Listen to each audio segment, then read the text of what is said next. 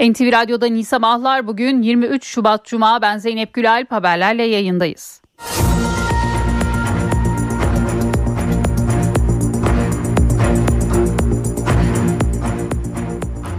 İstanbul'da yürütülecek kentsel dönüşüm çalışmalarına verilecek desteklerle ilgili yeni bir karar alındı.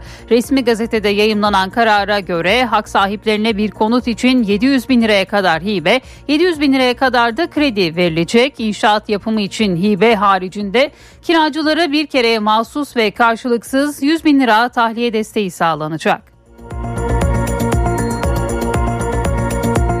Kamuda üst düzey atamalara ilişkin Cumhurbaşkanı kararı resmi gazetede yayımlandı. Kararla Adalet Bakan Yardımcılığı görevine Hurşit Yıldırım atandı. Kültür ve Turizm Bakanlığı Sinema Genel Müdürlüğü'ne Birol Güven getirildi. Hasan Kaymak Masak Başkanı oldu. Türkiye Petrolleri Anonim Şirketi Yönetim Kurulu Başkanlığı'na Ahmet Türkoğlu Milli Piyango İdaresi Genel Müdürlüğü'ne Ekrem Candan, Türkiye Cumhuriyet Devlet Demir Yolları Genel Müdürlüğü'ne ise Veysi Kurt atandı.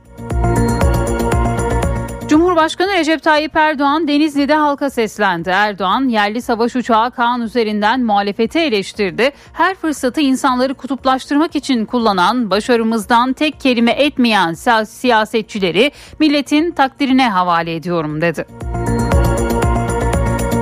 CHP Genel Başkanı Özgür Özel yerel seçimi kazanan tüm belediye başkanlarının 1 Nisan'da mal varlıklarını belediye girişine asacaklarını söyledi. Özel Gebze'de belediye başkan adayı olan Türkiye İşçi Partisi Genel Başkanı Erkan Baş'ı desteklediklerini, 2019'da ittifak kapsamında adaylarını geri çektikleri Balıkesir'de de İyi Parti'den bir jest beklediklerini söyledi.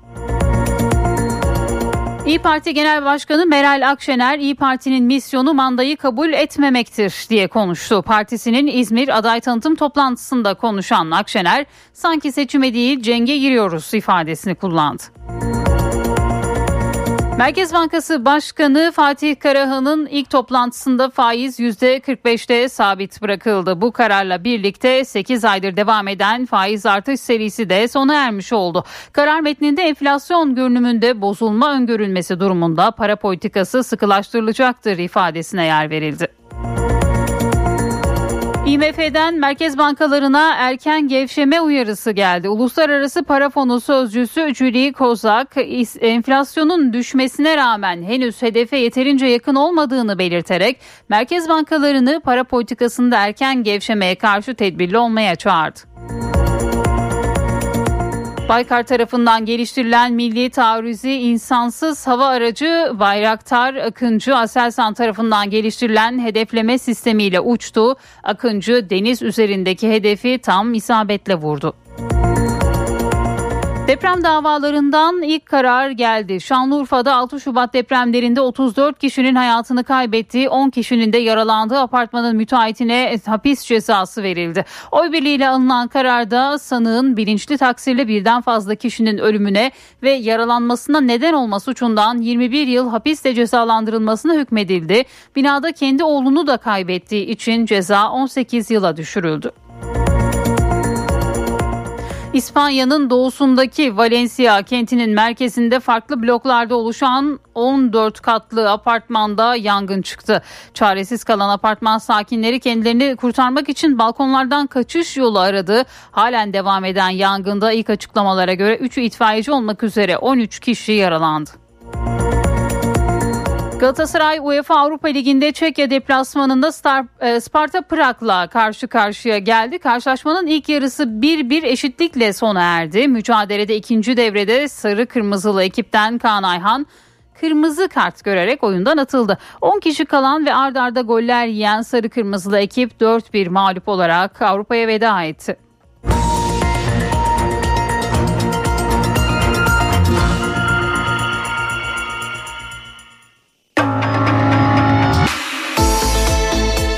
İşe giderken gazetelerin gündemi.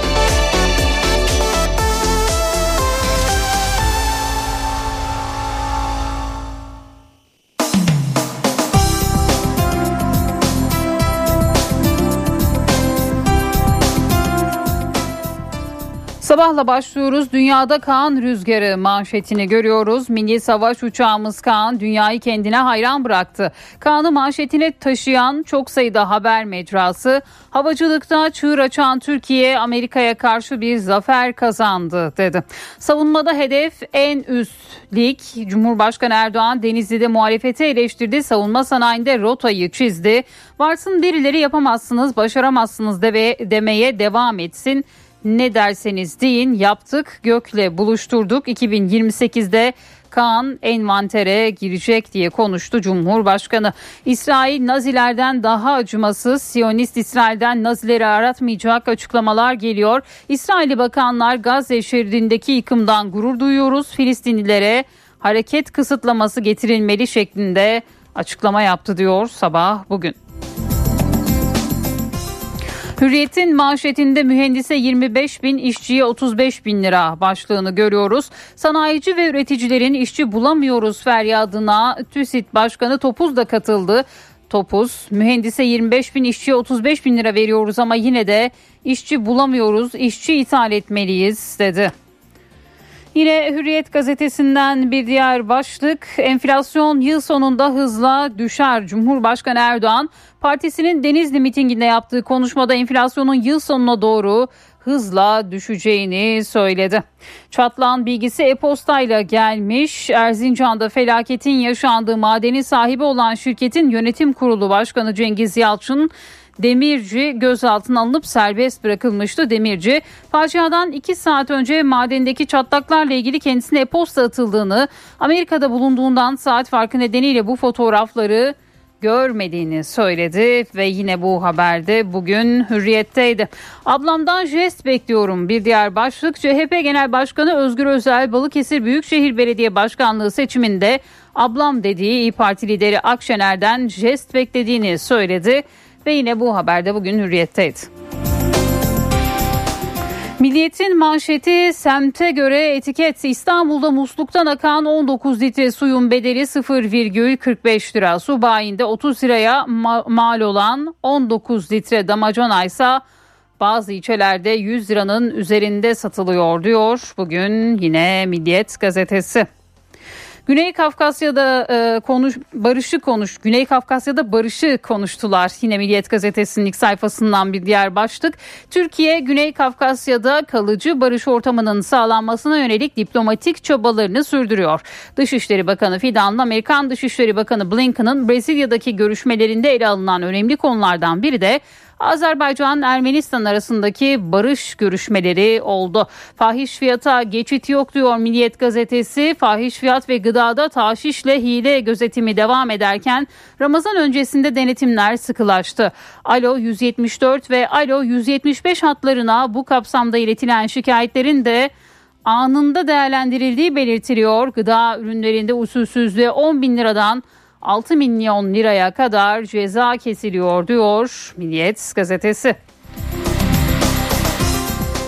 Yeni Şafak'ın manşetinde özgürlüğün sesi başlığını görüyoruz. Milli Muharip Uçağı Kağan'ın ilk uçuşunu başarıyla tamamlaması özellikle vurucu gücü artıracak hava kuvvetlerine büyük moral oldu. Askerler kullanım kısıtlaması ve yedek parça ambargosuna maruz kalmayacakları için Kaan'ı özgürlüğün sesi olarak tanımlayıp envantere gireceği günü dört gözle bekliyor diyor bugün Yeni Şafak gazetesi. Amerika Birleşik Devletleri katliam sürsün istiyor diyor Yeni Şafak. Gazze'deki katliamlara destek veren Amerika, İsrail'i yargılayan Uluslararası Adalet Divanı'na da baskı kurmaya çalışıyor notuyla paylaşılıyor bu haberde. Postanın manşetinde 7 yaşındaki evladına dehşeti yaşattı başlığını görüyoruz. Ankara'da 2 hafta önce boşanan bir erkek velayeti anneye verilen çocuğunu kendi evinde silah zoruyla 12 saat rehin tuttu. Polislere içeri girerseniz kendime de sıkarım çocuğa da sıkarım diyen baba özel harekat timlerine ateş açınca bacağından ve omzundan vurularak etkisiz hale getirildi deniliyor postanın manşetinde. Kadın sağlamcı erkek maceracı bir diğer başlık. İNG Türkiye tarafından gerçekleştirilen Türkiye'nin tasarruf eğilimleri araştırmasının sonuçlarına göre kadınlar tasarruf aracı olarak yastık altı altın ve nakitle vadesiz hesapları tercih ediyor.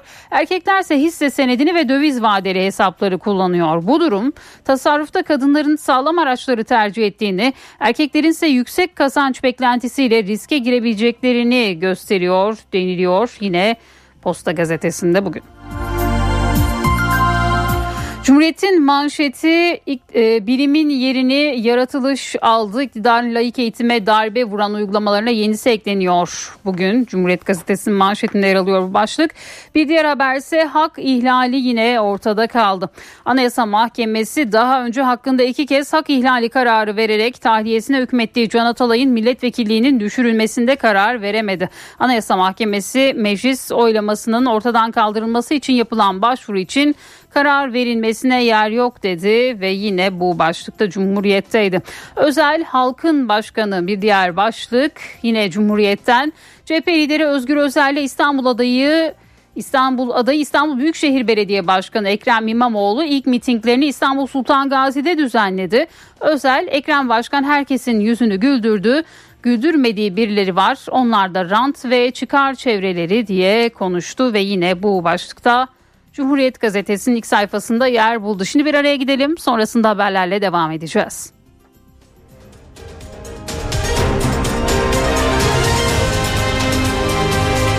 NTV Radyo Titanic Hotels köşedeki kitapçıyı sunar. Merhaba, ben Adnan Bostancıoğlu. Almanya'da Birinci Dünya Savaşı sonrası edebiyatçılar kuşağının önemli yazarlarından Irmgard Keo'nun Yersiz Yursuz Bir Çocuk isimli romanı Türkiye İş Bankası Kültür Yayınlarından çıktı. Kitabı dilimize Zehra Aksu Yılmazer çevirmiş. 1902 yılında Berlin'de doğan Irmgard Keun, Almanya yeni nesnellik akımının önde gelen yazarlarından. İlk gençlik yıllarında Köln'de oyunculuk derslerine gitti. Muhtelif kentlerde sahneye çıksa da 1929 yılında oyunculuğu tamamen bıraktı ve Alfred Döblin'in tavsiyesiyle yazarlığa başladı. İlk yapıtları 1930'ların başında yayınlanan Gigi içimizden biri ile Yapay İpek Kız büyük ilgi gördü. 1933'te Naziler iktidara gelince Keo'nun eserleri yasaklandı ve yakıldı. Birçok yazar çizer gibi o da 1936 yılında Nazi Almanyası'ndan ayrıldı. Belçika'ya gitti. Burada iki yıl boyunca Avusturyalı ünlü romancı Joseph Roth ile birlikte yaşadı. Sonra ilginç bir şey oldu. Keo'nun intihar ettiğine dair yanlış bir haber yayınlandı. İngiliz Daily Telegraph gazetesinde. Haber Keun için iyi bir fırsata dönüştü. 1940'ta gizlice Almanya'ya dönüp savaşın sonuna dek Köln'de sahte bir isimle yaşadı. Keun savaştan sonraki yıllarını alkolizmin pençesinde, yoksulluk içinde geçirdi. Bu yıllarda yazdığı romanlar ilgi görmedi. Keon 1966'dan 1972'ye kadar Bonn Devlet Hastanesi'nin psikiyatrik kliniğinde tedavi gördü. 6 yıl az değil. 1977'de Stern dergisinde yayınlanan bir makaleyle romanları tekrar keşfedildi ve yeni baskıları Keo'nun para durumunu düzeltmesine yardımcı oldu ama zaten çok fazla ömrü kalmamıştı. 1982 yılında hayata gözlerini yumdu.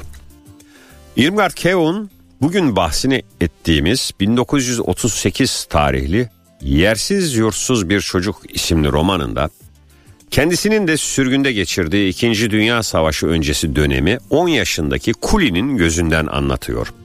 Kuli, muhalif yazar babası ve annesiyle birlikte Almanya'dan ayrılmak zorunda kalmıştır. Vizelerinin süresi doldukça bulundukları ülkeyi terk eden aile, savaşın gölgesindeki Avrupa'da beş parasız dolaşır durur. Karınları aç olsa da lüks otellerde kalıp ellerine geçen parayı pahalı restoranlarda harcarlar. Faturayı ödeyemedikleri için otellerde mahsur kalırlar.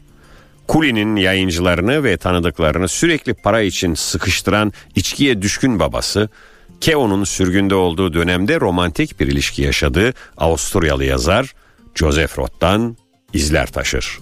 Herkese iyi okumalar, hoşçakalın. Titanic Hotels köşedeki kitapçıyı sundu. Yiğit Akü yol durumunu sunar.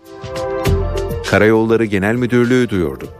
Piraziz Giresun Tirebolu yolunun 0-74. kilometrelerinde ve İzmir Çeşme otoyolunun Çeşme istikameti 3-6. kilometrelerinde yol bakım çalışmaları yapıldığından ulaşım kontrollü olarak sağlanıyor. Sürücüler dikkatli seyretmeli. Yiğit Akü yol durumunu sundu. NTV Radyo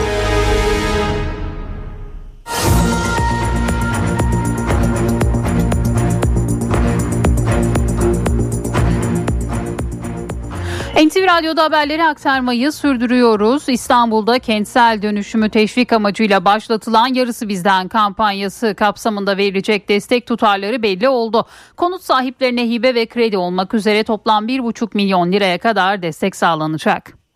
Hak sahiplerine bir konut için 700 bin liraya kadar hibe, 700 bin liraya kadar da kredi verilecek. İş yerlerinde de hibe tutarı ve kredi tutarı 350 bin lira olarak belirlendi. İnşaat yapımı için verilecek hibe haricinde kiracılara bir kereye mahsus ve karşılıksız olmak üzere 100 bin lira tahliye desteği sağlanacak. Kentsel dönüşüm kredilerinin vadesi 10 yıl olacak. İlk 12 taksitte faiz uygulanmayacak. Kredi verilirken hak sahiplerinin gelir ve kredi puan durumları dikkate alınmayacak. Riskli yapının bulunduğu parsellerde üretilecek projedeki bağımsız bölüm sayısı veya inşaat alanının mevcut bağımsız bölüm sayısı veya inşaat alanının bir buçuk katını geçmesi halinde hibe ve kredi desteği verilmeyecek. Riskli yapının bulunduğu parsellerde 1 Mart 2023 tarihinden önce yeni yapıya ait yapı ruhsatı düzenlenmişse yine yardımlardan yararlanılamayacak.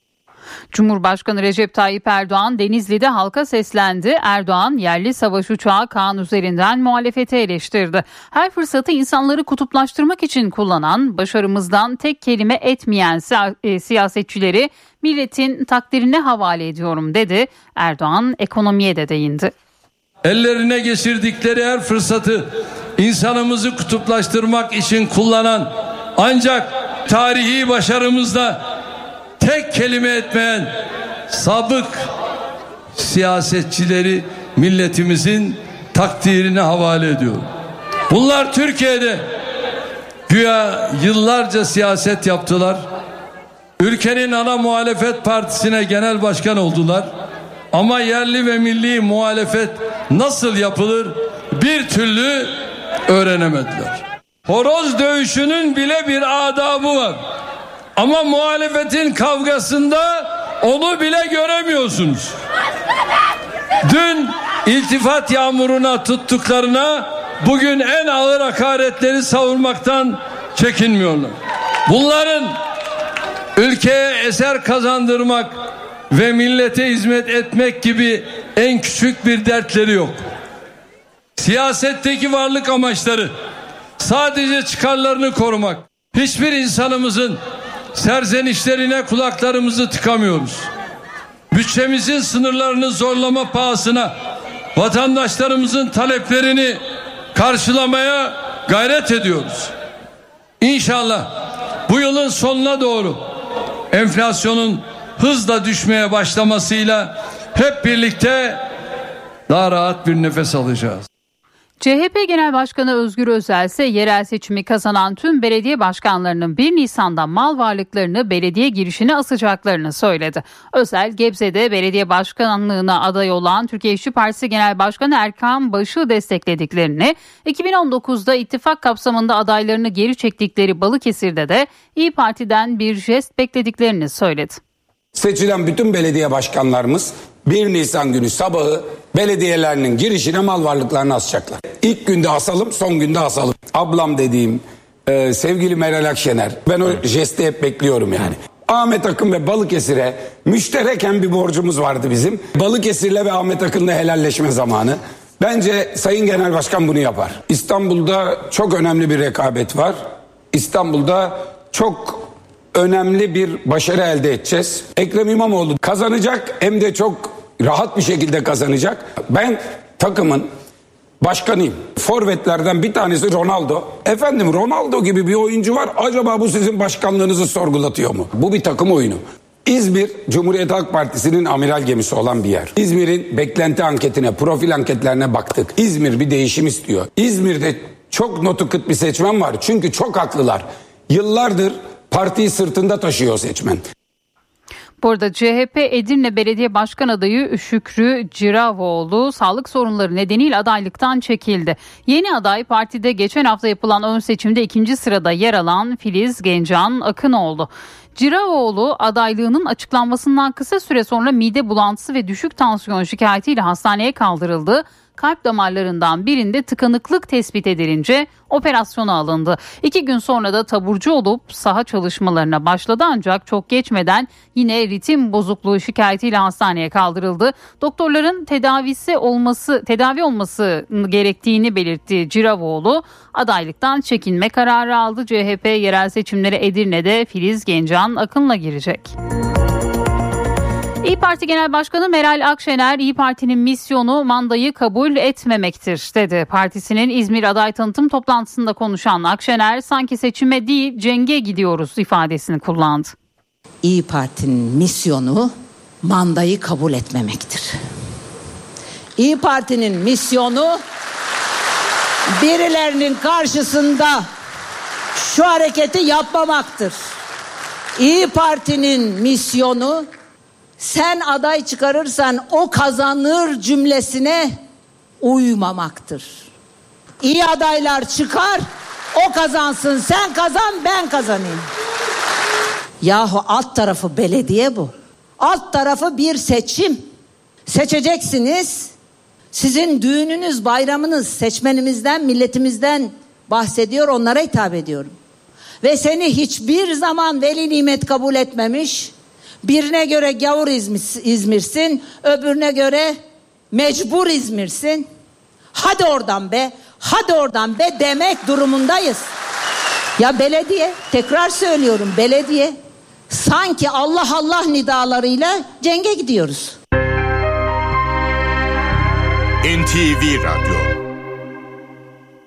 Kamuda üst düzey atamalara ilişkin Cumhurbaşkanı kararı resmi gazetede yayımlandı. Kararla Adalet Bakan Yardımcılığı görevine Hurşit Yıldırım atandı. Kültür ve Turizm Bakanlığı Sinema Genel Müdürlüğü'ne Birol Güven getirildi. Hasan Kaymak Masak Başkanı oldu. Türkiye Petrolleri Anonim Şirketi Yönetim Kurulu Başkanlığı'na Ahmet Türkoğlu, Milli Piyango İdaresi Genel Müdürlüğü'ne Ekrem Candan ve Türkiye Cumhuriyeti Devlet Demiryolları Genel Müdürlüğü'ne ise Veysi Kurt atandı. Merkez Bankası Başkan Fatih Karahan'ın ilk toplantısında faizi %45'te sabit bıraktı. Bu kararla birlikte 8 aydır devam eden faiz artış serisi de sona ermiş oldu. Karar metninde enflasyon görünümünde bozulma öngörülmesi durumunda para politikası sıkılaştırılacaktır ifadesine yer verildi. 8 aydır devam eden faiz artışı serisi sona erdi. Merkez Bankası yeni başkan Fatih Karar'ın ilk toplantısında politika faizini %45 seviyesinde sabit tuttu. Karar metninde Ocak ayı enflasyonunun öngörülen düzeyde yükseldiğine vurgu yapılırken yurt içi talepte dengelenme olduğunun altı çizildi. Enflasyon görünümünde belirgin ve kalıcı bir bozulma öngörülmesi durumunda para politikası duruşunun sıkılaştırılacağı belirtildi. Bir önceki metinde bu gözden geçirilecek şeklinde ifade edilmişti. Yani yeni faiz arttırımları da gelebilir. Merkez Bankası ona e, yeni faiz arttırımları kapıyı yeni faiz arttırımları kapıyı tamamen kapatmıyor. O şekilde bir manevra alanı veriyor kendine. Şu son günlerde biraz Merkez Bankası ne zaman faiz indirir tartışması da var ya. Yani Merkez Bankası'nın duruşu çok net. Seçim sonrasında da bu duruşuna devam edecek gibi duruyor. Metinde ayrıca Türk lirasına ilişkin gelişmeler de yer aldı. Banka güçlü Türk lirasına ilişkin beklentilerini paylaştı. Metinde para politikasındaki kararlı duruş dezenflasyona ve dolayısıyla Türk lirasının reel değerine katkı sağlayacaktır ifadesi kullanıldı. Piyasanın beklentisini karşılar mı Merkez Bankası? Yani dolar TL'nin hızlı bir şekilde yukarı gitmesine izin verir mi? Ben pek zannetmiyorum. Yani kademeli kademeli aylık enflasyonlar çerçevesinde Türk lirasındaki değer kaybına izin verebilir Merkez Bankası. Ben dolar TL'de hızlı bir yükseliş beklemiyorum. Anayasa Mahkemesi Can Atalay'ın milletvekilliğinin düşürülmesine yapılan itirazlarla ilgili kararını verdi. Yüksek Mahkeme karar verilmesine yer olmadığı hükmünde bulundu. Yani vekilliğin düşürülmesi kararı yok sayılsın talebi reddedildi. Atalay hakkında Gezi Parkı olayları nedeniyle verilen 18 yıl hapis cezası Yargıtay tarafından onanmış. Meclis Genel Kurulu'nda okunan Yargıtay 3. Ceza Dairesi'nin kararıyla da 30 Ocak'ta milletvekilliği düşürülmüştü. Atalay'ın avukatları ve CHP milletvekilliğin düşürülmesinin yok hükmünde olduğunun tespiti için Anayasa Mahkemesi'ne başvurdu. Yüksek Mahkeme dosyayı görüştü. İtirazlara oy çokluğuyla karar verilmesine yer olmadığı hükmünde bulundu. Kararın gerekçesi ilerleyen günlerde açıklanacak. Anayasa Mahkemesi 14 Mayıs'ta Türkiye İşçi Partisi'nden Hatay Milletvekili seçilen Can Atalay hakkında iki kez hak ihlali kararı vermişti. Şanlıurfa'da 6 Şubat depremlerinde 34 kişinin hayatını kaybettiği 10 kişinin de yaralandığı apartmanın müteahhitine 18 yıl hapis cezası verildi. Şanlıurfa'daki davanın karar duruşmasında mağdur taraf avukatları sanık hakkında üst sınırdan hüküm verilmesini talep etti. Sanık avukatları ise sunulan mütalayı kabul etmediklerini belirterek aynı binanın enkazında müvekkillerinin oğlunu da kaybettiğini söyledi. Oy birliğiyle alınan kararda sanığın bilinçli taksirle birden fazla kişinin ölümüne ve yaralanmasına neden olma suçundan 21 yıl hapiste cezalandırılmasına hükmedildi. Binada kendi oğlunu da kaybettiği için ceza 18 yıla düşürüldü. Erzincan İliç'te 9 işçinin toprak altında kalmasının ardından şirketin Türkiye müdürü gözaltına alınıp serbest bırakılmıştı. Müdür ifadesinde maden bölgesindeki projelere, denetimlere ve eksikliklere ilişkin yetkisi ve bilgisi olmadığını söyledi. Erzincan İliç'te 9 işçinin toprak altında kalmasının ardından şirketin Türkiye müdürü CD gözaltına alındı. Adi kontrolle yurt dışı yasağı konularak serbest bırakılan CD'nin ifadeleri ortaya çıktı. İfadesinde madenin Kanadalı yetkilisinin olaydan 2 saat önce çatlak fotoğraflarını mail olarak gönderdiğini söyledi. Ben bu maili direktörlerin uyarması sonucu olaydan 3 gün sonra gördüm dedi. Madende kaymaları takip eden radar cihazının eksik olduğu belirtiliyordu. CD, cihazlar yurt dışından alındığı için alım sürecinin uzamış olabileceğini iddia etti. 2023 Aralık ayında cihazlar bütçeye girdi hatta alımının onaylandığını biliyorum dedi. Finansal işlerden sorumluyum diyen CD, NİT sahasında denetimin kim tarafından ve hangi sıklıkla yapıldığını bilmediğini söyledi. NİT sahasında önlem alınıp alınmamasına ilişkin talimat verme yetkim yok. Projelerin denetlenip denetlenmediğini de bilmiyorum dedi. Marmara Denizi açıklarında batan kargo gemisinin kayıp 4 mürettebatını arama çalışmaları devam ediyor. 8. gündeki çalışmalara 660 personel katılıyor. Dalışların koordinasyonu TCG Akın gemisinden sağlanıyor. Denizin 51 metre derinliğinde tabana oturan gemi üzerinde konuştu. Nene Hatun gemisindeki görevliler ise sualtı görüntüleme ve taramaları sürdürüyor. Çalışmalar son dönemde geminin makine dairesi ve çevresinde yoğunlaştırıldı. Batıkta hareket kabiliyetinin kısıtlı olduğuna dikkat çekiliyor. Bursa'da mevcut olan fayın yanı sıra aktif bir fay daha olduğu ileri sürüldü. Kayapa, Yenişehir fayı olarak adlandırılan fayın 7'den büyük deprem üretebileceği iddia ediliyor. Ankara, Kocaeli ve Eskişehir Teknik Üniversitesi'nin ortak çalışmasında Bursa'da daha önce haritada yer almayan 95 kilometre uzunluğunda aktif bir fay hattı keşfedildi. Kayapa Yenişehir arasındaki fay 7'den büyük bir deprem üretebilir. Bu fay sistemi Mustafa Kemal Paşa'dan Gönen'den gelir. Bursa'nın güneyinden Yenişehir'e bağlanır. Fakat yeni yapılan çalışmada bunun Bursa'nın güneyinden değil, ovanın içerisinden geçerek Yenişehir'e doğru gittiği ileri sürülüyor. Burada güneydeki faylar birkaç parça halinde bu ileri sürülen modelde tek fay olarak gidiyor daha büyük deprem yapma olasılığı var. 7.3'e ulaşan. Bursa'da en son 1855 yılında büyük bir deprem meydana geldi. Bursa'nın bilinen ve bugün Türkiye diri fay haritasında yer alan fayları Bursa'nın güneyinden Uludağ'la Ova'nın sınırından bir fay geçtiğini, bir faylar silsilesinin geçtiğini, 1855 depremlerinin de bu fay üzerinde olduğu gösterir. Gürol Seyitoğlu e, hocamızın yaptığı bir çalışma var. Bu çalışmada fayın ovanın içerisinden geçtiğini hı hı. ve Kayapa'dan geçerek Yenişehir'e doğru uzandığını ileri sürüyorlar. Fay tekrarlanma aralıkları da 250 ile 450 yıl arasındadır.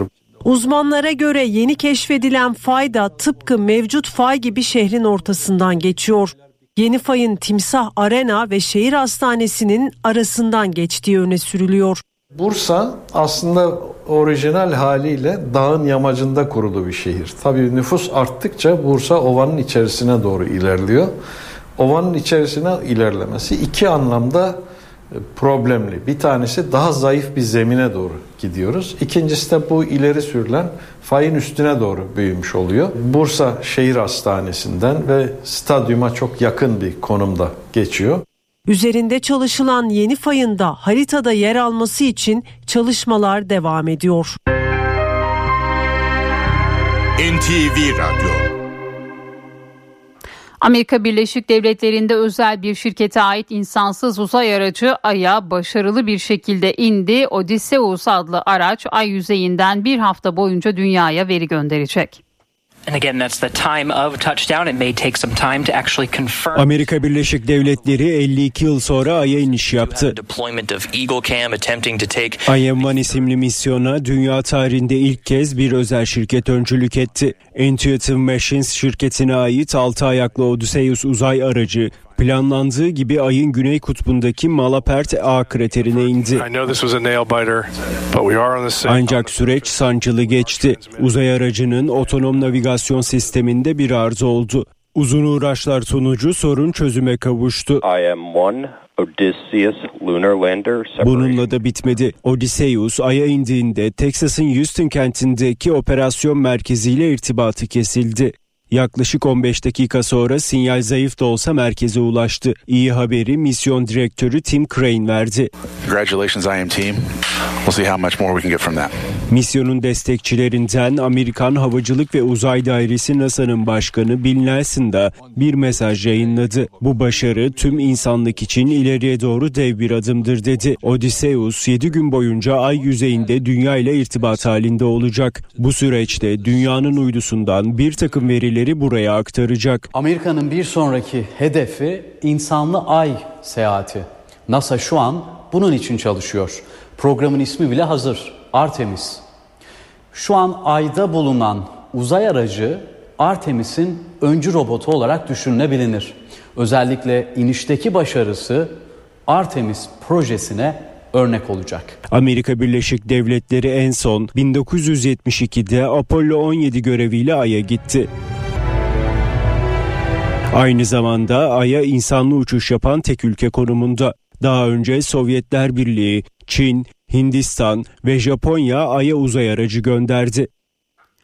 Amerikan Başkanı Joe Biden hapiste ölen Rus muhalif lider Alexei Navalny'nin eşi ve kızıyla buluştu. Sürpriz görüşme Kaliforniya'da gerçekleşti. Biden, Alexei'nin cesareti Rusya'da demokrasi ve insan hakları için savaşan sayısız kişiyle yaşayacak dedi. Görüşmeye dair Beyaz Saray'dan kısa bir açıklama yapıldı.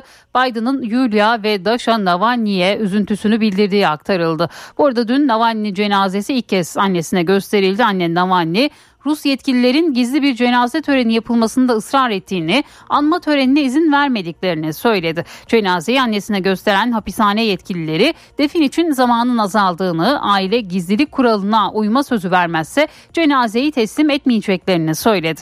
Yeni ortaya çıkan resmi ölüm raporunda Navalny'nin doğal nedenlerle öldüğü ibaresi yer aldı. Uzun Covid ile ilgili yapılan çalışmalar sürüyor. İngiltere'de yapılan bir araştırma bir protein çeşidinin yüksek seviyelerde bulunmasının uzun Covid ile ilişkili olabileceğini ortaya koydu. 55 uzun Covid hastası incelendi. Hastalarda interferon gamma protein seviyelerinin yüksek seyrettiği görüldü. Araştırmacılar çalışmada COVID-19'un vücuttaki ak yuvarların interferon gamma proteininin üretimini tetiklediğini buldu. Covid'e yakalandıktan birkaç hafta sonra iyileşen hastalarda interferon gamma proteini miktarı enfeksiyon öncesi seviyelere düşüyor. Ancak uzun Covid hastalarında bu seviye 12 hafta ve hatta 2 yılın ardından normal seviyelerin üzerinde seyrediyor. İngiltere'deki Edinburgh Hastanesi'nde yapılan bu çalışma uzun Covid'e yönelik yeni tedaviler için yol gösterici olabilir. Uzmanlar bu çalışmanın uzun Covid'in işleyişini anlamaya yönelik önemli bir araştırma olduğunu söylüyor. Uzun Covid'e yakalananlarda bağışıklık sisteminin Covid sonrası normal seviyelere yeniden dönmediği ve vücudun kendini tehdit altındaymış gibi bir alarm durumunda tuttuğu belirtiliyor. Uzun Covid hastalarında kronik yorgunluk, ateş, kas ve eklem ağrıları gibi semptomlar görülüyor. Uzmanlar interferon gama yüksekliğiyle uzun Covid ilişkisiyle ilgili daha geniş çaplı bilimsel çalışmaların yapılması gerektiğini söylüyor. Birleşmiş Milletler verilerine göre dünyada en az 65 milyon kişi halen uzun Covid ile mücadele ediyor. Jennifer Lopez 9. stüdyo albümü This Is Me Now'ı yayınladı. Yeni albümün ilk klibi Rebound isimli şarkıya çekildi. I watch my mother miss out. 54 yaşındaki dünya yıldızı Jennifer Lopez 9. stüdyo albümünü piyasaya sürdü.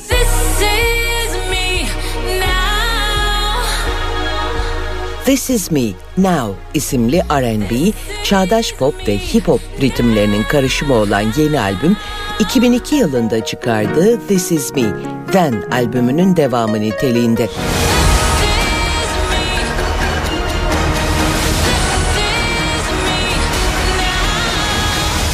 Lopez 9 yıl aradan sonra çıkardığı albümü için bu deneyim aşk hakkındaki gerçek arayış üzerine müzik, film ve gerçeklik aracılığıyla bir yaşam yolculuğunun manifestosudur diyor. Love.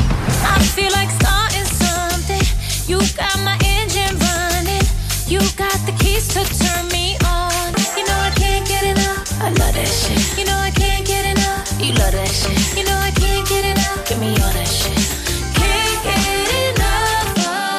Birkaç hafta önce Can't Get Enough isimli bir single paylaşan Lopez, yeni albümünün ilk klibini ise Rebound isimli parçasına çekti. We go up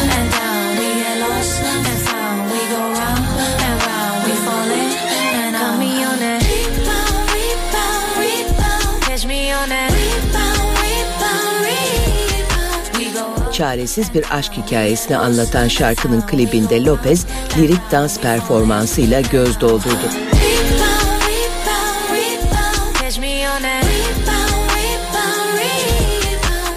Şarkıcı, albümle aynı gün ve albümle aynı ismi taşıyan bir filmi de dijital bir platformda yayınladı. Not all love stories have a happy ending.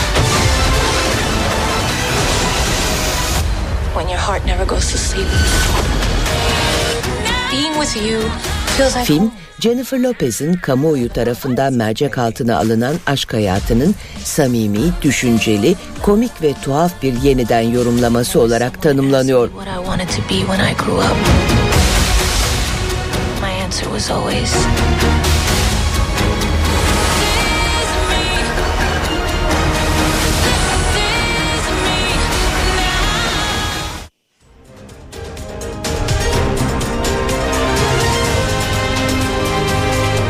NTV Radyo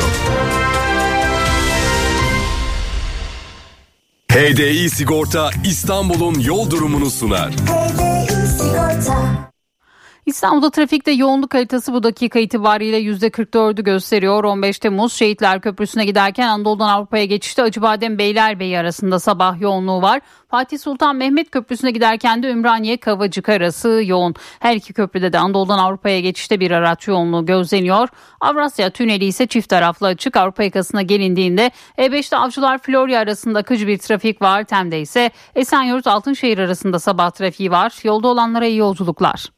HDI Sigorta İstanbul'un yol durumunu sundu.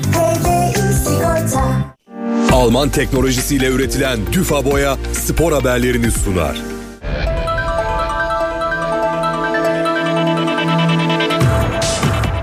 Galatasaray'ın UEFA Avrupa Ligi serüveni Prag'da sona erdi. Sarı Kırmızılar playoff turu ikinci maçında konuk olduğu Sparta Prag'a 4-1 yenilerek elendi.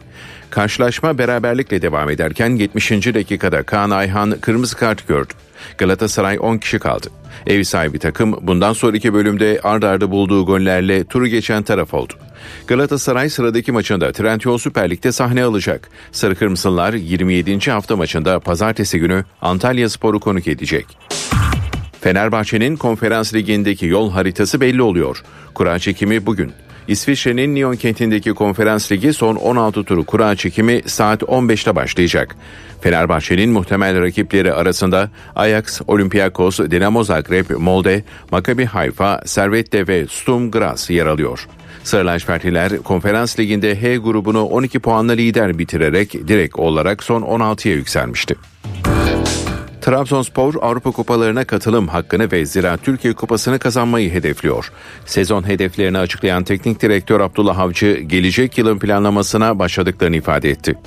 Ulaşılabilir hedefimizi zaten net bir şekilde söylemiştik. Bu sene itibariyle e, üçüncülük ve dördüncülük Avrupa Kupaları gitmek Türkiye Kupası diye bunu net bir şekilde söylemiştik. Bugün itibariyle bu hedefler yani geçiş döneminde sancılı olmasına rağmen önümüzde ve aynı sıralamada duruyor. Amili basketbol takımı Avrupa Şampiyonası'na mağlubiyetle başladı. Ay Yıldızlar B grubu ilk maçında İtalya'ya 87-80 mağlup oldu. Karşılaşmanın ilk devresi de 50-39'luk İtalya üstünlüğüyle sona erdi. İtalya'da Nicola Melli 17 sayı 7 rebound 3 asistle öne çıktı. Türkiye'de ise milli formayla ilk maçına çıkan Tarık Biberovic'in 27 sayı 8 rebound 4 asistlik performansı mağlubiyete engel olamadı. Milliler B grubundaki ikinci maçında İzlanda ile oynayacak. Sinan Erdem Spor Salonu'ndaki karşılaşma pazar günü saat 16'da başlayacak. Fatma Damla Altın pentatlonda dünya şampiyonu oldu. Fransa'da düzenlenen 2024 Virtus Dünya Salon Atletizm Şampiyonası'nda yarışan özel sporcu Fatma Damla Altın, kadınlar pentatlonda zirvenin en tepesinde yer aldı. Alman teknolojisiyle üretilen zemin boyası Düfa Boya spor haberlerini sundu. Saat 8 Türkiye ve Dünya gündeminde bu saate kadar öne çıkan başlıklara bir haber turuyla bakacağız.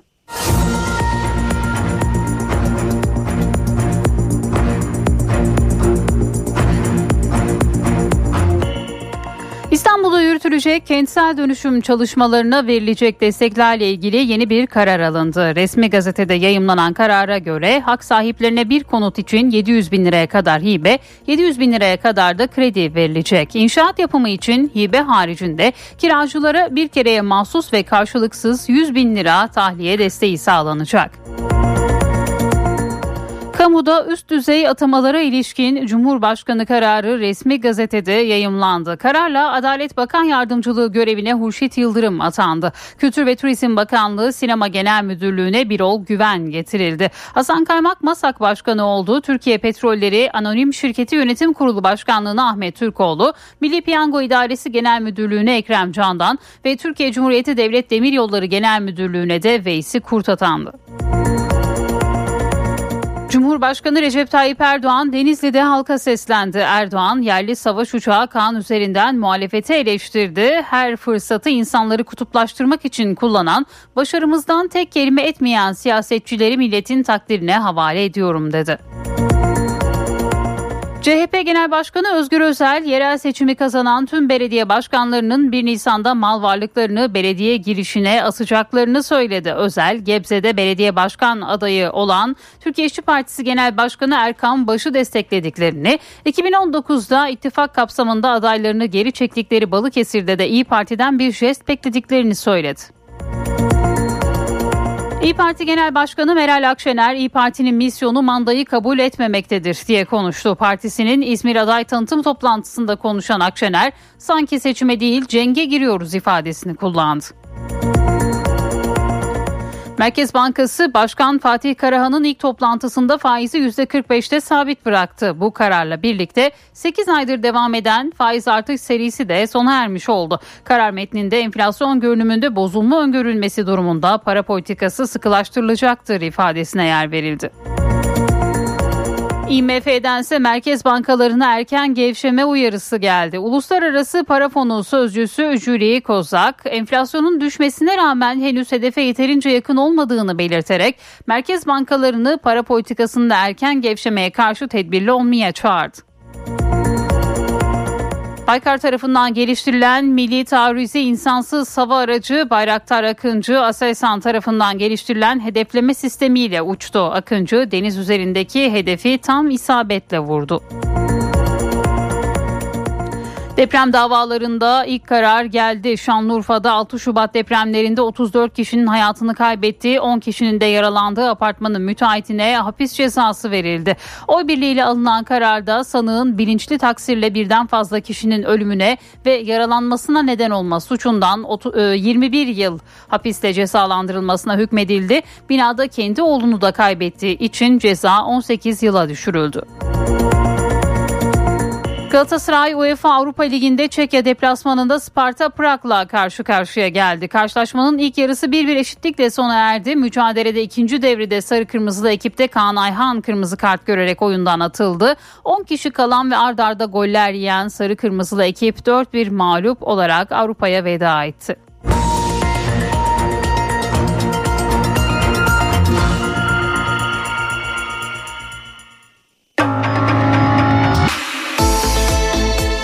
İşe giderken gazetelerin gündemi.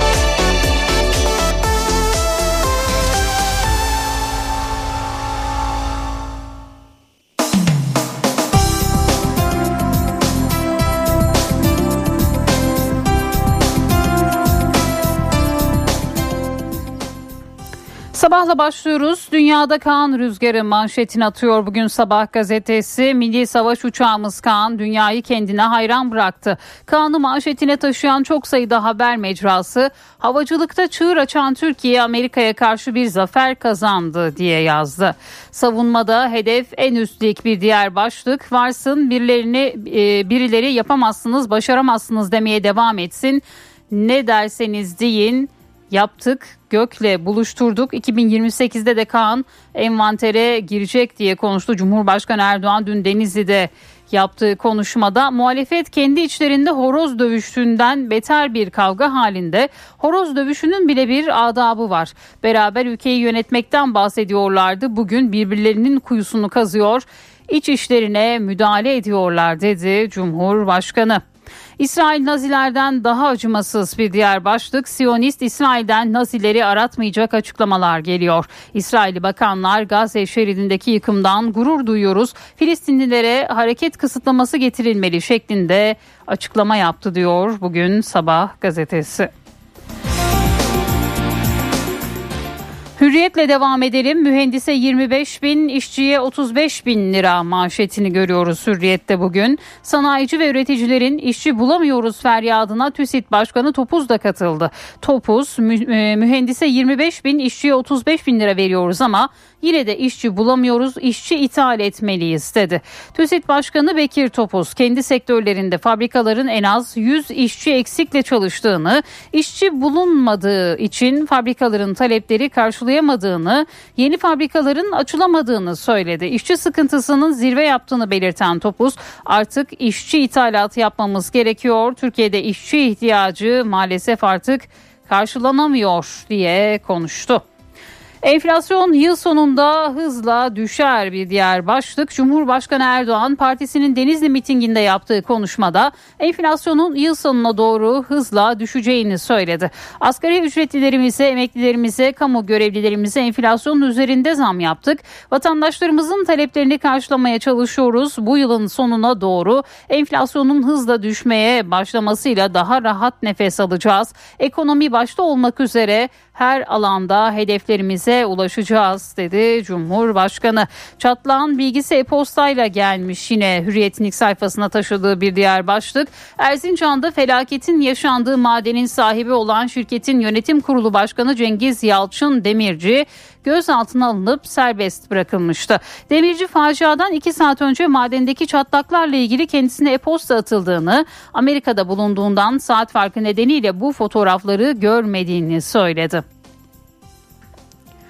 Yine bir diğer başlık hürriyetten ablamdan jest bekliyorum. CHP Genel Başkanı Özgür Özel Balıkesir Büyükşehir Belediye Başkanlığı seçiminde ablam dediği İyi Parti lideri Akşener'den jest beklediğini söyledi.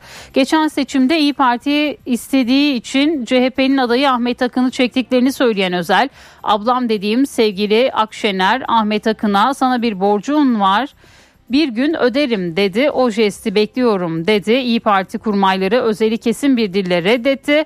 Ancak son sözü Akşener'in söylemesi bekleniyor deniliyor. Yine Hürriyet gazetesinde merkez faizi sabit bıraktı. Merkez Bankası geçen Haziran'da başlattığı faiz artışını dünkü para politikası kurulu toplantısında sabit bıraktı. Faiz oranı %45'te kaldı. Para politikası kurulu enflasyon görünümünde bozulma öngörülmesi halinde para politikası duruşunun sıkılaştırılacağı mesajını da verdi diyor. Bugün Hürriyet gazetesi. Milliyet'in manşeti semte göre etiket İstanbul'da musluktan akan 19 litre suyun bedeli 0,45 lira. Su bayinde 30 liraya mal olan 19 litre e, damacana ise bazı ilçelerde 100 liranın üzerinde satılıyor. İstanbul'da 19 litrelik damacana su fiyatları 100 lirayı aştı. Su markaları yetkilileri semtten semte farklılık gösteren fiyatları bayilerin kira fiyatlarındaki değişikliğe ve akaryakıt giderlerine bağlıyor. Bayi yetkilileri son tüketiciye ulaşana kadar bu fiyata dağıtım, işçilik, kira ve işletme giderlerinin eklendiğini aktarıyor diyor bugün Milliyet manşetinden. Güney Kafkasya'da barışı konuştular. Bir diğer haber Türkiye Güney Kafkasya'da kalıcı barış ortamının sağlanmasına yönelik diplomatik çabalarını sürdürüyor. Dışişleri Bakanı Fidan'la Amerikan Dışişleri Bakanı Blinken'ın Brezilya'daki görüşmelerinde ele alınan önemli konulardan biri de Azerbaycan-Ermenistan arasındaki barış görüşmeleri oldu diyor Milliyet gazetesi. Ramazan öncesi fahiş fiyata geçit yok bir diğer başlık. Fahiş fiyat ve gıdada taşişle hile gözetimi devam ederken Ramazan öncesinde denetimler sıkılaştı. Alo, Alo 174 ve Alo 175 hatlarına bu kapsamda iletilen şikayetlerin de anında değerlendirildiği belirtiliyor. Gıda ürünlerinde usulsüzlüğe 10 bin liradan 6 milyon liraya kadar ceza kesiliyor deniliyor Milliyet gazetesinde bugün. Umut Çarşısı bir diğer başlık. Kahramanmaraş merkezli depremlerde en büyük yıkımın yaşandığı Antakya'da şehrin simgesi Uzun Çarşı'da da birçok dükkan kullanılamaz hale gelmişti. Turizm, restoran yatırımcıları ve gastronomi işletmeleri derneğinin yerel kültürün yaşatılması için kurduğu prefabrik Uzun Çarşı'da bulunan 70 dükkanda kepenk açan esnaf hayata tutunmaya çalışıyor diyor bugün Milliyet gazetesi. Beyin sağlığı için elle yaz bir diğer başlık. Uzmanlara göre beynin birkaç farklı bölgesini aktive eden el yazısı odaklanmayı ve dikkati artırdığı gibi Alzheimer ve demans gibi hastalıkların riskini de azaltıyor. Beyin sağlığı için el becerilerini geliştirmeye yönelik pratikler ve günde 15-20 dakika yazı egzersizi öneriliyor deniliyor. Yine bu haberde Milliyet gazetesinin ilk sayfasında yer buluyor. Yeni Şafak'ın manşeti özgürlüğün sesi Milli Muharip Uçak Kaan'ın ilk uçuşunu başarıyla tamamlaması özellikle vurucu gücü artacak hava kuvvetlerine büyük moral oldu. Askerler kullanım kısıtlaması ve yedek parça ambargosuna maruz kalmayacakları için Kaan'ı özgürlüğün sesi olarak tanımlayıp envantere gireceği günü dört gözle bekliyor diyor Yeni Şafak manşetinden. Amerika katliam sürsün istiyor bir diğer haber. Gazze'deki katliamlara destek veren Amerika Birleşik Devletleri İsrail'i yargılayan Uluslararası Adalet Divanı'na da baskı kurmaya çalışıyor. Dışişleri Bakanlığı yetkilisi Richard Weissig İsrail'in Batı Şeria ve Gazze'den çekilmesine yönelik bir hareket İsrail'in güvenlik ihtiyaçlarının dikkate alınmasını gerektirir ifadelerini kullandı. Cumhuriyetçi vekil Andy Ogles ise Gazze'de çocukların bombalandığını söyleyen bir kadına bence hepsini öldürmeliyiz cevabını verdi ve bu haberde yine bugün Yeni Şafak gazetesindeydi. Aslan Avrupa'ya veda etti. Galatasaray UEFA Avrupa Ligi playoff turunda 3-2 kazandığı maçın rövanşında Çekya'nın Sparta Prag ekibine konuk oldu. Kaan Ayhan'ın kırmızı kart görmesiyle 70. dakikada 10 kişi kalan Sarı Kırmızılılar sağdan 4-1 yenik ayrılarak turnuvaya veda etti diyor. Bugün yine bu haberde Yeni Şafak gazetesinin ilk sayfasında yer buluyor. Postanın manşeti 7 yaşındaki evladına dehşeti yaşattı. Ankara'da 2 hafta önce boşanan bir erkek velayeti anneye verilen çocuğunu kendi evinde silah zoruyla 12 saat rehin tuttu. Polislere içeri girerseniz kendime de sıkarım çocuğa da sıkarım diyen baba özel harekat timlerine ateş açınca bacağından ve omzundan vurularak etkisiz hale getirildi diyor yine Posta gazetesi bugün. Kadın sağlamcı erkek maceracı bir diğer başlık. İNG Türkiye tarafından gerçekleştirilen Türkiye'nin tasarruf eğilimleri araştırmasının sonuçlarına göre kadınlar tasarruf aracı olarak yastık altı altın ve nakitle vadesiz hesapları tercih ediyor. Erkekler ise hisse senedini ve döviz vadeli hesapları kullanıyor. Bu durum tasarrufta kadınların sağlam araçları tercih ettiğini, erkeklerin ise yüksek kazanç beklentisiyle riske girebileceklerini gösteriyor diyor Posta gazetesi. Cumhuriyet gazetesi iktidarın layık eğitime darbe vuran uygulamalarına yenisi ekleniyor. Bilimin yerini yaratılış aldı manşetini atıyor bugün. Bir diğer başlıksa hak ihlali yine ortada kaldı. Anayasa Mahkemesi daha önce hakkında iki kez hak ihlali kararı vererek tahliyesine hükmettiği Can Atalay'ın milletvekilliğinin düşürülmesinde karar veremedi. Anayasa Mahkemesi meclis oylamasının ortadan kaldırılması için yapılan başvuru için karar verilmesine gerek yok dedi. Yer yok dedi affedersiniz. Bu haberde yine Cumhuriyet gazetesindeydi. Bir diğer başlık özel halkın başkanı CHP lideri Özgür Özel ile İstanbul adayı İstanbul Büyükşehir Belediye Başkanı Ekrem İmamoğlu ilk mitinglerini İstanbul Sultan Gazi'de düzenledi. Özel Ekrem Başkan herkesin yüzünü güldürdü, güldürmediği birileri var. Onlar da rant ve çıkar çevreleri dedi ve yine bu haberde bugün Cumhuriyet'teydi. NTV Radyo Evdeki Hesap Profesör Murat Ferman hafta içi her gün ekonomideki güncel gelişmeleri NTV Radyo dinleyicileri için yorumluyor. Günaydın Sayın Ferman mikrofon sizde. Zeynep Güran'ın günaydın, iyi bir gün, iyi yayınlar diliyorum. Merkez Bankası'nın yeni guvernörü başkanlığında ilk PPK toplantısı dün gerçekleşti. Bu toplantı öncesi bizde genel değerlendirmelerde bulunarak aslında çok da yüksek bir beklenti veya farklı bir hareket tarzı beklenmediğinden bahsetmiştik, dem vurmuştuk. Gerçekten dün e, bu çerçevede 8 e, toplantı üst üste arttırılan faizler ki 3650 bips veya 36,5 puanlık bir artıştan sonra artık durma noktasına geldi. 8 aylık e, durup dinlenmek bilmeyen e, faiz artış maratonundan sonra şu anda bir bekle gör moduna geçildiği görülüyor. Dolayısıyla e, gösterge faizi 45 oranında bırakıldı. Bu çerçevede elbette metin önemliydi. Metinde bir parça Şahin tınısının güçlendirildiği görülüyor ama Şahin bir duruştan bahsetmek mümkün değil. Çünkü öyle bir duruş hiç şüphesiz faizlerde yukarı yönlü somut bir artışa işaret ederdi. Ama bir parça Şahin tınısının güçlendirildiği görülüyor. Şimdi önümüzdeki e, dönemde bilindiği üzere seçimlere artık sayılı gün kaldı. 26-27 e, iş günü var seçimlere. Dolayısıyla bu çerçevede bundan sonra seçimlerden önce bir PPK toplantısı daha 21 Mart'ta. O toplantıda da herhangi bir e, yeni açılım veya bir karar gözükmüyor. E, o şekilde bir tahmin ortaya çıkmıyor. Tabii e, hep e, para politikalarını, Merkez Bankası'nı, yeni guvernörü, şunu bunu konuşurken e, belki de bir parça e, esas konsantrasyon noktamızı kat, e, kaçırıyoruz. Çünkü sahne ışıklarının altında sürekli olarak Merkez Bankası'nı, guvernörünü, şuyu buyu tuttuğumuz zaman aslında bütüncül oyun planını, reçetenin tamamını da perdelemiş oluyoruz.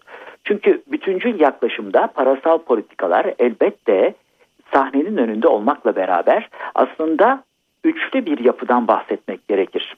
Bunun olmazsa olmaz diğer iki bacağını belki bir parça perdeliyoruz. Gözden kaçırıyoruz cambazdaki ip sendromuna kendimizi kaptırıyoruz. Ya da başkalarının bu sendromu öne çıkartmasına meydan veriyoruz. Nedir o? Bütüncül politikaların vazgeçilmez diğer iki bacağı yani mali politikalar, bütçe, tasarruf özellikle kamuda ve üçüncü bacağı da hiç şüphesiz yapısal reform. İşte son rakamlar, Ocak ayı merkezi bütçe gerçekleşmeleri, bütün bunlar aslında bu iki diğer bacak olmadan zac ayağı üzerinde, üçlü zac ayağı üzerinde herhangi bir sonuç alınamayacağını gösteriyor.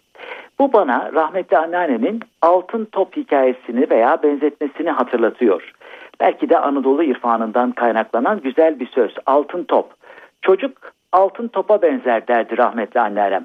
Çocuğun olduğu yerde çocuk dikkati çektiği böyle değişik şirinliklerle, oyunlarla, o sevimliliğiyle e, ortalarda olduğu için çocuğun olduğu yerde dedikodu olmaz, dertler unutulur, neşe gelir. Adeta bir altın top gibi orada birbirimize altın top atıyormuş gibi hoşça vakit geçiririz derdi. Ama sonra ertesi sabah kalktığınızda problemler, meseleler, hayat gayreleri gene sizde kalmaya devam ediyor. Yani netice itibariyle tedaviler de böyle. Reçeteyi yazdığınız zaman örneğin antibiyotik. Antibiyotik nedir? Faiz arttırımı. Bazıları kategorik olarak buna karşı. Ama eğer antibiyotik kullanımından yanaysanız o zaman reçeteyi doğru yazacaksınız. Bir parça böyle bir doz vereyim, bakayım olmazsa sonra tekrar vereyim derseniz bu sefer bünyede bir direnç olur ve istediğiniz sonucu da alamazsınız. Allah korusun antibiyotik tedavisinin en istenmeyen yönü tedavi edeyim derken antibiyotik direncinin ortaya çıkmasıdır. O bakımdan çok dikkatli olmak lazım. Anlaşılıyor ki sahne ışıkları altında Merkez Bankası'na biraz fazla önem ve öncelik veriyoruz. Çünkü gene Anadolu'da güzel sözlerden bir tanesi de şu. Adım Hıdır, elimden gelen budur. Bu iş Hıdır'a, bu iş Merkez Bankası'na, bu iş şuna veya buna bırakılmayacak kadar kapsamlı, kökenli, eskilerin deyimiyle şumullü bir meseledir. Keşke sadece faizi indirip bindirerek veya şöyle veya bu şekilde durarak, şöyle konuşarak, böyle yazarak bu işe çare bulabilsek. Uzun soluklu ve zahmetli bir yolculukta yolumuza devam ediyoruz. Bu arada tabii e, IMF'nin sözcüsü veya iletişim direktörü Julie Kozak da saatler evvel 45 dakika süren basın toplantısında sorulu cevaplı şu noktaya da dikkat çekti. Herhalde onunla tamamlamakta fayda var. Merkez bankalarının enflasyonla mücadelede erken indirim faizinden kaçınmaları gerekir dedi. Biz sadece bunu bir söyleyelim ama zaten seçimlere kadar Batı cephesinde yeni bir şey yok. Bu genel bilgi paylaşımı ve ufuk turu çerçevesinde değerli dinleyenlerimize katma değeri yüksek yüksek katma değerli bir gün ve esenliklerle dolu bir hafta sonu diliyor. Huzurlarınızdan hürmetlerle ayrılıyorum. Profesör Murat Ferman'la evdeki hesap sona erdi. Kaçırdığınız bölümleri www.ntvradio.com.tr adresinden dinleyebilirsiniz.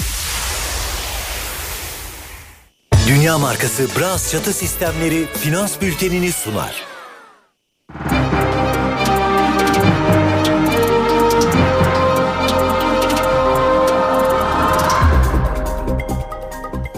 Borsa İstanbul 100 endeksi 9347 seviyelerinde dolar 31.08 euro 33.67'den işlem görüyor. Euro dolar paritesi 1.08. Altının onzu 2025 dolar. Kapalı çarşıda gram altın 2024. Çeyrek altın 3432 liradan satılıyor. Brent petrolün varil fiyatı ise 83 dolar. Dünya markası Bras çatı sistemleri finans bültenini sundu. NTV Radyo Benzersiz duvarlar artık hayal değil. Sandeko Boya hava durumunu sunar. Ülkede rüzgarlar hafif sıcaklık batıda biraz artıyor. Hafta sonu daha ılık havanın etkisinde geçecek. İstanbul'da sıcaklık artıyor. Bugün 15, pazar 19 derece. Hava parçalı bulutlu. Hafta sonu da güneş görülecek. Ankara açık 15, İzmir bulutlu. Çeşme tarafında hafif yağmur bekleniyor. Sıcaklık 17 derece. Bursa puslu 15, Antalya ise açık 19 derece olacak bugün. Eşsiz boya, eşsiz mekanlar. Sandeko Boya hava durumunu sundu.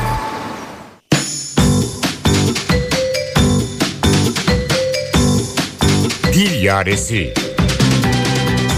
Hazırlayan ve sunan Levent Dönmez. Çoğunlukla yanlış söylenen bir sözcüğü gözden ya da kulağımızdan geçireceğiz bugün. Hemen herkes, herkes diyor bu sözcüğe. Herkes diyene bile rastlanıyor. Abartmayalım ama gerçekten çok yaygın bir yanlış. Ayrıca kez defa anlamında. Herkes deyince her defa demiş olmuyor muyuz? Herkesin anlamı herkesçe biliniyor. Kim var kim yoksa bütün insanlar demek. Yine bol bol örnek vereceğiz. O gün herkes oradaydı. Sen herkesten başkasın. Ancak farklı kullanımları da var. Herkes ayağa kalksın. Herkese güvenilir mi? Bu kadar dik tepeye herkes çıkamaz. Oo, herkes ayrı havadan çalıyor. Herkes değil de herkesin geçtiği hayli atasözümüz var. Herkes gider Mersin'e, biz gideriz tersine. Herkes kaşık yapar ama sapını ortaya getiremez. Herkesin arşınına göre bez vermezler. Herkesin geçtiği köprüden sen de geç. Herkesin tenceresi kapalı kaynar. Herkesin yorulduğu yere han yapmazlar.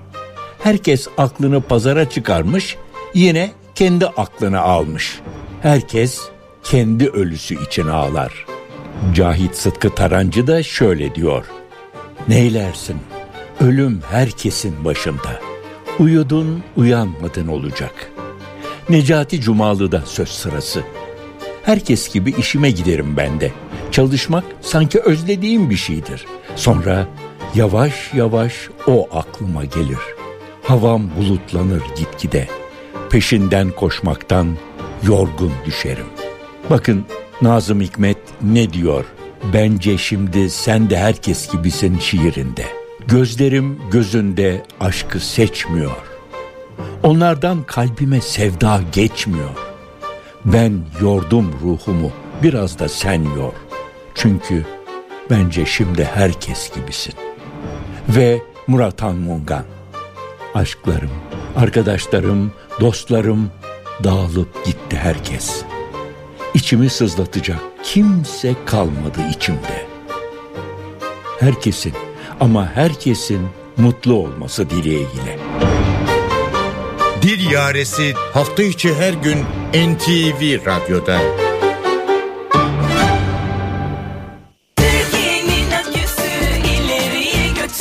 Yiğit Akü yol durumunu sunar. Karayolları Genel Müdürlüğü duyurdu. İzmir Ödemiş Kaymakçı Kiraz yolunun 5. kilometresinde ve Aksaray Ortaköy yolunun 9-11. kilometrelerinde yol bakım çalışmaları yapıldığından ulaşım kontrollü olarak sağlanıyor. Sürücüler dikkatli seyretmeli. Yiğit Akü yol durumunu sundu.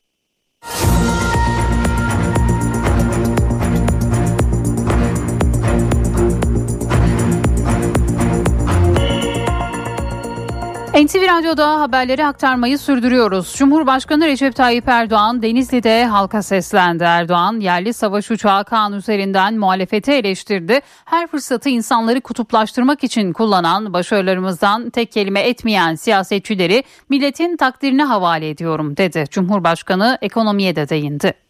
Ellerine geçirdikleri her fırsatı insanımızı kutuplaştırmak için kullanan ancak tarihi başarımızda tek kelime etmeyen sabık siyasetçileri milletimizin takdirine havale ediyorum. Bunlar Türkiye'de güya yıllarca siyaset yaptılar. Ülkenin ana muhalefet partisine genel başkan oldular. Ama yerli ve milli muhalefet nasıl yapılır bir türlü öğrenemediler. Horoz dövüşünün bile bir adabı var. Ama muhalefetin kavgasında onu bile göremiyorsunuz.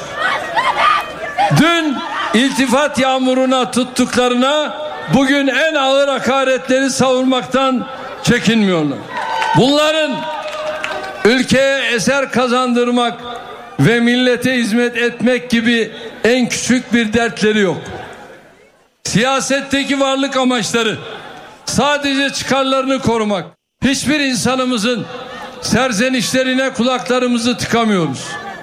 Bütçemizin sınırlarını zorlama pahasına vatandaşlarımızın taleplerini karşılamaya gayret ediyoruz. İnşallah bu yılın sonuna doğru enflasyonun hızla düşmeye başlamasıyla hep birlikte daha rahat bir nefes alacağız.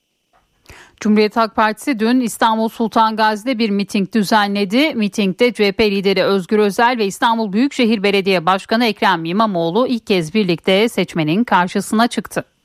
Ekrem Başkan'ın İstanbul'daki varlığı İstanbul'a huzur getirdi. İstanbul'a mutluluk getirdi. İstanbul'a güven getirdi. CHP Genel Başkanı Özgür Özel ve İstanbul Büyükşehir Belediye Başkanı Ekrem İmamoğlu ilk kez birlikte miting düzenledi. Sultan Gazi'de halka seslendi. Özel, AK Parti İstanbul adayı Murat Kurum'u Erzincan'daki madenle ilgili sözleri nedeniyle eleştirdi. Şimdi Murat Kurum diyor ki chat raporuyla bunun bir ilgisi var mı? Olmaz olur mu? Sen o dağın yapılmasına imzayı attın felaketten sorumlusun. İliç'teki felaketten sorumlu olan Murat Kurum'un İstanbul'un felaketi olmasına izin vermeyeceğiz.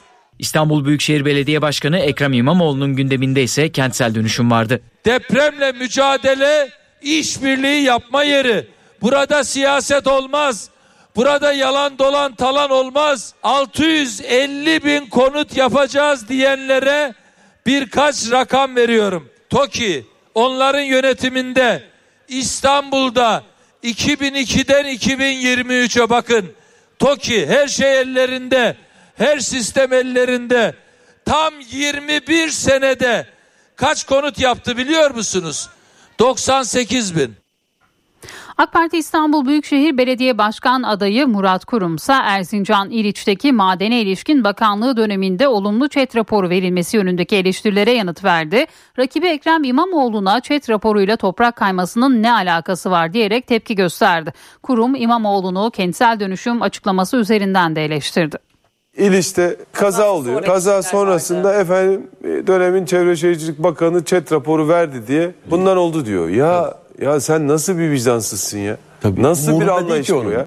Efendim orayı siz çet raporu verdiğiniz için burası e, işte kaydı göçtü. Ya çet raporuyla toprak kaymasının ne alakası var? Çevre Bakanlığı neyi verir? Bu işletmenin çevresel bir e, sorunu, problemi var mı yok mu buna bakar. Demişiz ki senin çevresel e, etkilerinden dolayı eksikliklerin var. Senin işletmeni Tamamla bunu. kapatıyoruz. Kapatıyoruz. Kapatmışız. Ben 3 ay bu işletmeyi kapatanın Biz 650 bin konutu acilen dönüştüreceğiz diyoruz. 1 Nisan'da görevi bırakacak olan mevcut CHP'li başkan adayı ne diyor biliyor musunuz? 650 bin konut olmasa da olur diyor. Bu zihniyete kalsa, bu anlayışa kalsa İstanbul'un kentsel dönüşüme ihtiyacı yok. İstanbul'da yürütülecek kentsel dönüşüm çalışmalarına verilecek destekle ilgili yeni bir karar alındı. Resmi gazetede yayımlanan karara göre hak sahiplerine bir konut için 700 bin liraya kadar hibe, 700 bin liraya kadar da kredi verilecek. İnşaat yapımı için hibe haricinde kiracılara bir kereye mahsus ve karşılıksız 100 bin lira tahliye desteği sağlanacak. Kamuda üst düzey atamalara ilişkin Cumhurbaşkanı kararı resmi gazetede yayımlandı. Kararla Adalet Bakan Yardımcılığı görevine Hurşit Yıldırım atandı. Kültür ve Turizm Bakanlığı Sinema Genel Müdürlüğü'ne Birol Güven getirildi. Hasan Kaymak MASAK Başkanı oldu. Türkiye Petrolleri Anonim Şirketi Yönetim Kurulu Başkanlığı'na Ahmet Türkoğlu, Milli Piyango İdaresi Genel Müdürlüğü'ne Ekrem Candan ve Türkiye Cumhuriyeti Devlet Demiryolları Genel Müdürlüğü'ne ise Veysi Kurt atandı. NTV Radyo Marmara Denizi açıklarında batan kargo gemisinin kayıp 4 mürettebatını arama çalışmaları devam ediyor. 8. gündeki çalışmalara 660 personel katılıyor. Dalışların koordinasyonu TCG Akın gemisinden sağlanıyor. Denizin 51 metre derinliğinde tabana oturan gemi üzerinde konuştuğu Nene Hatun gemisindeki görevliler ise su altı görüntüleme ve taramalarını sürdürüyor. Çalışmalar son dönemde geminin makine dairesi ve çevresinde yoğunlaştırıldı. Batıkta hareket kabiliyetinin kısıtlı olduğuna dikkat çekiliyor. Erzincan'da altın madenindeki heyelan geçmişte çeşitli ülkelerde yaşanan siyanür facialarını akıllara getirdi. Ağır metallerin temizlenebilmesi konusunda bilim insanlarının dile getirdiği bazı yöntemler var. Ancak kirlenen toprağın büyüklüğü bu yöntemlerden alınabilecek sonuçları belirsiz hale getiriyor. 9 işçinin toprak altında kaldığı Erzincan İliç'teki altın madeni faciasının çevreye etkileri araştırılıyor. Bilim insanları dünyada daha önce yaşanan bu tip kazalarda çevreye yayılan siyanürün zaman içinde topraktaki arsenik, kurşun gibi zehirli ağır metalleri açığa çıkardığına dikkat çekiyor. 2000 yılında Romanya'da olan çok da benzeyen bir örnek var. 2-3 tane Brezilya'da var. Hepsi de sonuçta o bölgedeki hayvanlar ölmüş, o bölgedeki balıklar ölmüş. O bölgedeki sular ağır metallenmiş. Bilim insanları kazayla ortaya çıkan doğaya zararlı liç yığınının etkilerini azaltacak bazı yöntemler bulunduğunu dile getiriyor. Ancak bu yöntemlerin sonucu da kesin değil. Kimyasal olarak liç yığınının yarattığı riskin suya karışmaması için 4-5 ana yöntem uygulanabilir. Bu liç yığınının kaldırılması ya da yerinde bırakılması. Yerinde bırakıldığı noktada işte üzerine kireç atılması ya da tuz atılması ya da peroksit atılması ya da havalandırılması yöntemlerinin aynı anda belki de pilot bölgelerde pek çoğunu denenmesi gerekecek. Lakin bu kadar büyük bir liç yığınının kaldırılması ve yığın halindeyken zararının kısa erimde azaltılmasına yönelik başarıya ulaşmış bir yöntem raporlandı. Literatürdeki bütün yöntemler kaza olmamış normal çalışma e, ortamında e, burada e, depo çok çok doldurulmuş öyle anlaşılıyor. O doğayı kurtarmak pek de mümkün değil gibi. Kimya Mühendisi Odası temsilcileri katkı sunabilmek için Erzincan'daki maden kazası ile ilgili raporların şeffaf bir şekilde yayınlanmasını talep ediyor. Mühendisler siyanürle altın çıkarılmasından vazgeçilmesi gerektiğinin de altını çiziyor. Ramazan öncesinde özellikle bakliyat ve kahvaltılık ürünlerin fiyatına %10 ila 15 arasında zam geldi. Pek çok tüketici bu zamları her Ramazan öncesi görülen fırsatçılık olarak yorumluyor. Fırsatçılık diyebiliriz yani başka. Ne diyebileceğiz? Hayır hayır fırsatçılık yok. Mal olsa ne fırsat oluyor? İş yok hani. Tüketicilere göre fırsatçılık, üreticilere göre ise artış normal. Ramazan ayı öncesi toptancılarda zam furyası yaşandı. Olduğunu ben düşünmüyorum. Öyle bir esnafımız da yok şu anda. Ramazanla alakalı değil. Toptancılarda en çok bakliyat ürünlerine zam geldi. Fiyatlardaki artış oranı üründen ürüne %10 ile 15 arasında değişti. Biraz durgunluk var piyasalarda. Ama fiyatlarda yerinde durmuyor. Hepsinde hepsinde sıkıntı var. Kuraklık olmasından dolayı. Bizim Erzincan'da mesela çok fasulye çıkardı. Bu sene hiç fasulye çıkmadı. Kuru gıda halinde bir bakliyat deposundayız şu anda. Yanımızda çuval çuval kuru fasulye bulunuyor. İşte bu kuru fasulyelerin geçtiğimiz ayki kilo fiyatı 50 liraydı. Ancak şu anda 58 liradan satılıyor. Mesela yeşil mercimek biz burada 55 liraya 50 liraya satıyorduk. Şimdi şu anda 68 lira Yozgat istiyor. Nohut ne? Nohut da işte daha önceki fiyatı 60-62'ye satıyor. Şimdi şu anda 70 lira. Pirinçlerde de birazcık fark oldu tabii. Osmancık şu anda e, biz 38-40 liraya satıyorduk. Şimdi şu anda 50 lira bandında. Benzer artış kahvaltılık ürünlerinde de görüldü. Kuru gıda halinde süt ürünlerine de zam geldi. Zammın oranı %18. Örneğin bir teneke beyaz peynirin fiyatı geçtiğimiz ay 1850 liraydı. Ancak şu anda 2250 liradan satılıyor. Yan girdilerle beraber e, işte akaryakıt giderleri, maaş giderleri, kira giderleriyle beraber bunları da yansıttığımız zaman %17-%18 arasında bir zam geçişi oldu. Toptancılardaki fiyat artışı marketlere %20 olarak yansıdı. Her sene aynı şey. Ha, hiçbir değişiklik yok. Fırsatçılık. Fırsatçılık iddialarına birçok halci karşı hali hazırdaki zam oranlarının çok daha yüksek olması gerektiğini ancak Ramazan öncesi bu zamları yapmadıklarını söylüyorlar. Şimdi şu anda %10 fark geldi ben %10'u bile koymadan satıyorum. Ajda Pekkan 12 Haziran'da Beşiktaş Stadyumunda özel bir konser verecek. Sanatçı kariyerinde ilk kez stadyumda hayranlarıyla buluşacak. Üstelik özel konukları da olacak.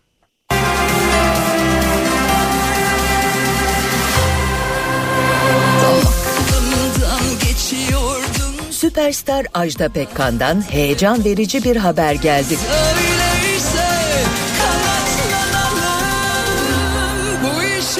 Sanatçı kariyerinde ilk kez stadyumda konser vermeye hazırlanıyor.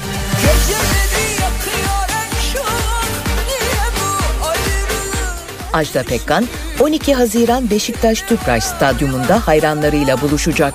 Sanatçı geceye özel hazırlıklarına başladı. Ne kaçırdığını bilsen ölürdün Ateşe yanına yak yürürdün Ajda Pekkan'a bu özel gecede sanatçı arkadaşları da eşlik edecek. Pekkan unutulmaz şarkılarını dev orkestra eşliğinde yorumlayacak. Beşiktaş Tüpraş Stadyumunda bu yaz başka konserler de gerçekleşecek. Stadyumda ilk konseri 18 Mayıs'ta Hayko Cepkin verecek.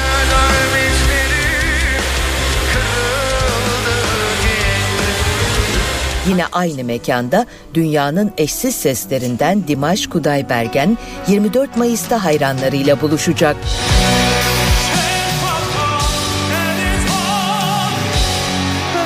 İstanbul'a ilk kez gelecek olan Dimash 6 oktav, 4 nota ve bir yarı tonla çok nadir ses aralığına sahip.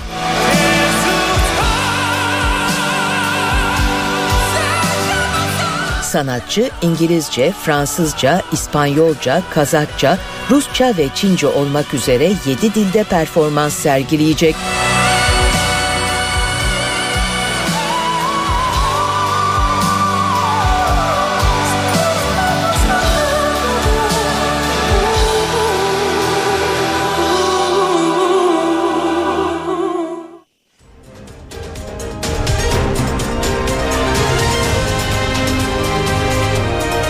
NTV Radyo HDI Sigorta İstanbul'un yol durumunu sunar.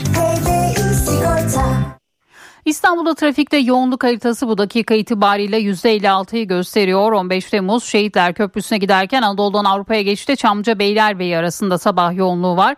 Fatih Sultan Mehmet Köprüsü'ne giderken de Ümraniye Kavacık arası yoğun. Her iki köprüde de Anadolu'dan Avrupa'ya geçişte bir araç yoğunluğu gözleniyor. Avrasya Tüneli ise çift taraflı açık. Avrupa yakasına gelindiğinde Beşte Avcılar Yeni Bosna arasında bir trafik var. Tem'de ise Esenyurt Altınşehir arasında sabah trafiği var. Yolda olanlara iyi yolculuklar. HDI Sigorta İstanbul'un yol durumunu sundu. Sigorta